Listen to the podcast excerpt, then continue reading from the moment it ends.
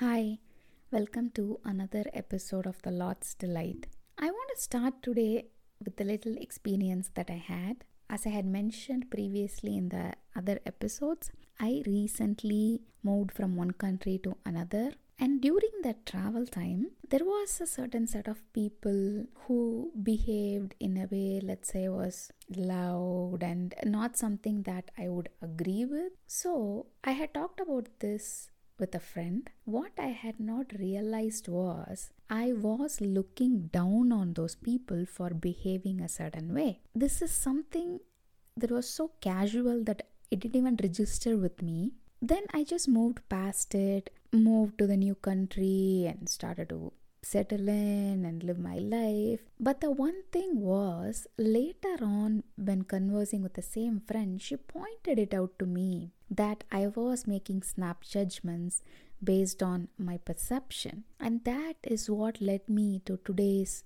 topic mindsets. Because I was looking at certain kind of behavior which is not something that is familiar to me i was judging or looking down upon that but something else also made me realize God uses every instance in your life to speak to you, not just people.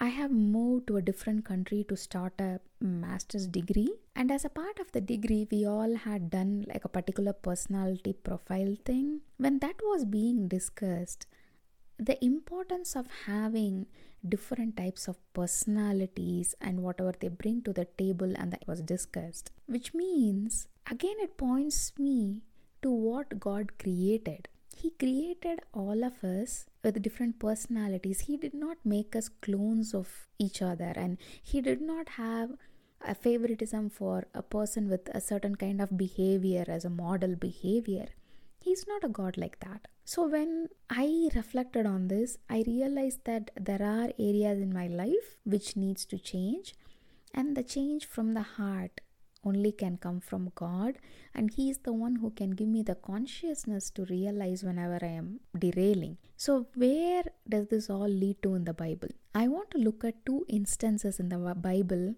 when a person's mindset was challenged and how he dealt with it. The first instant is in Acts chapter 10, and it starts with Cornelius being told to call for Peter, and in verse 9 to verse 23, we see Peter actually having a vision three times where a voice told him to get up, Peter, kill and eat the four footed animals in the blanket. But then Peter says, Surely not, Lord. I have never eaten anything impure or unclean. Why would I eat this? But the voice spoke to him, saying, Do not call anything impure that God has made clean. And this happens three times. And Peter is still wondering what is happening. And then three people are looking for him. So he goes and asks them, I am the one you are looking for. Why have you come? And they explain what the angel said to Cornelius. And then Peter invited the men into their house to be his guests. But the thing is, the next day Peter goes with them to Cornelius's house. And there, the first point is he says to Cornelius, Don't fall at my feet, I'm just a man myself. That next point is where he makes very clear what his mindset was. He says, You are well aware that it is against our law for a Jew to associate with a Gentile or visit him. But God has shown me that I should not call any man impure or unclean. So when I was sent for, I came without raising any objection. Peter's mindset, when confronted by God, changed immediately with no residual hesitancy or bitterness towards the other group. He says, when God says this, how can I not accept? So, Jews and Gentiles are the same for me. And he goes, he shares with them the good news of the gospel. Then they are anointed by the Holy Spirit. Then Peter baptizes them with water. And you see in the next chapter, the apostles and the brothers throughout Judea heard that the Gentiles also received the word of God. So when Peter went up to Jerusalem, the circumcised believers criticized him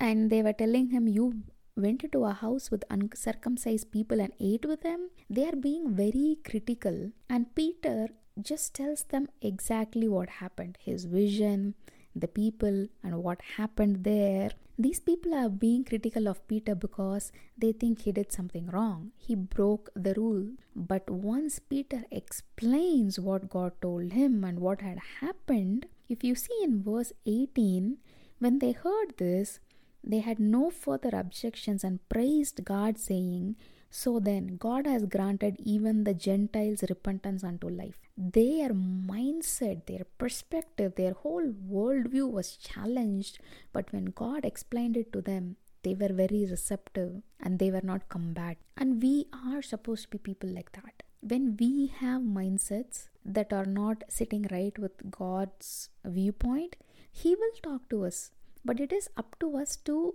understand how we will react. We need to make choices that please Him, but the strength for that and the mind for that, the acceptance for that comes from God. The second incident also involves Peter, and it is in Galatians chapter 2, verse 11, where Paul says, When Peter came to Antioch, I opposed him to his face because he was clearly in the wrong. Before certain men came from James, he used to eat with the Gentiles. But when they arrived, he began to draw back and separate himself from the Gentiles because he was afraid of those who belonged to the circumcision group. The other Jews joined him in his hypocrisy, so that by their hypocrisy even Barnabas was led astray. Here, Peter was confronted because of his hypocrisy, how he behaved when certain people were around and how he behaved when certain people were not around. When God said something is clean, it's clean. He publicly accepted, he ate with the Gentiles, but when certain Jews who were not okay with it came by, he became a hypocrite. This signals two things. One, we can be hypocrites at any point in life. And two, fearing people's opinions and judgments leads us to live a hypocritic life. But here, God didn't confront Peter, but Paul did.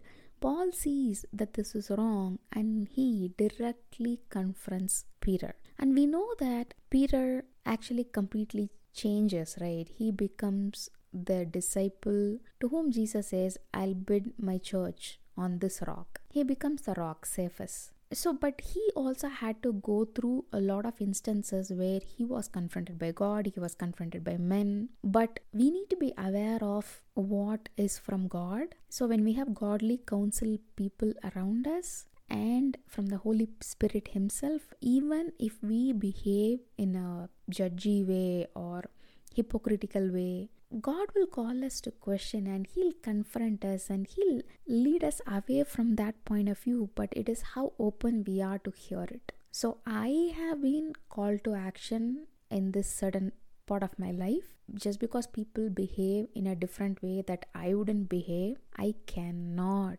look down upon them. And that is, it needs to have a heart change as well as behavioral change that needs to come from God. So, I pray with you today that if you are facing areas in your life that you are not aware of, that Holy Spirit will make you aware and you will overcome it. In Jesus' name I pray. Amen. See you guys next week.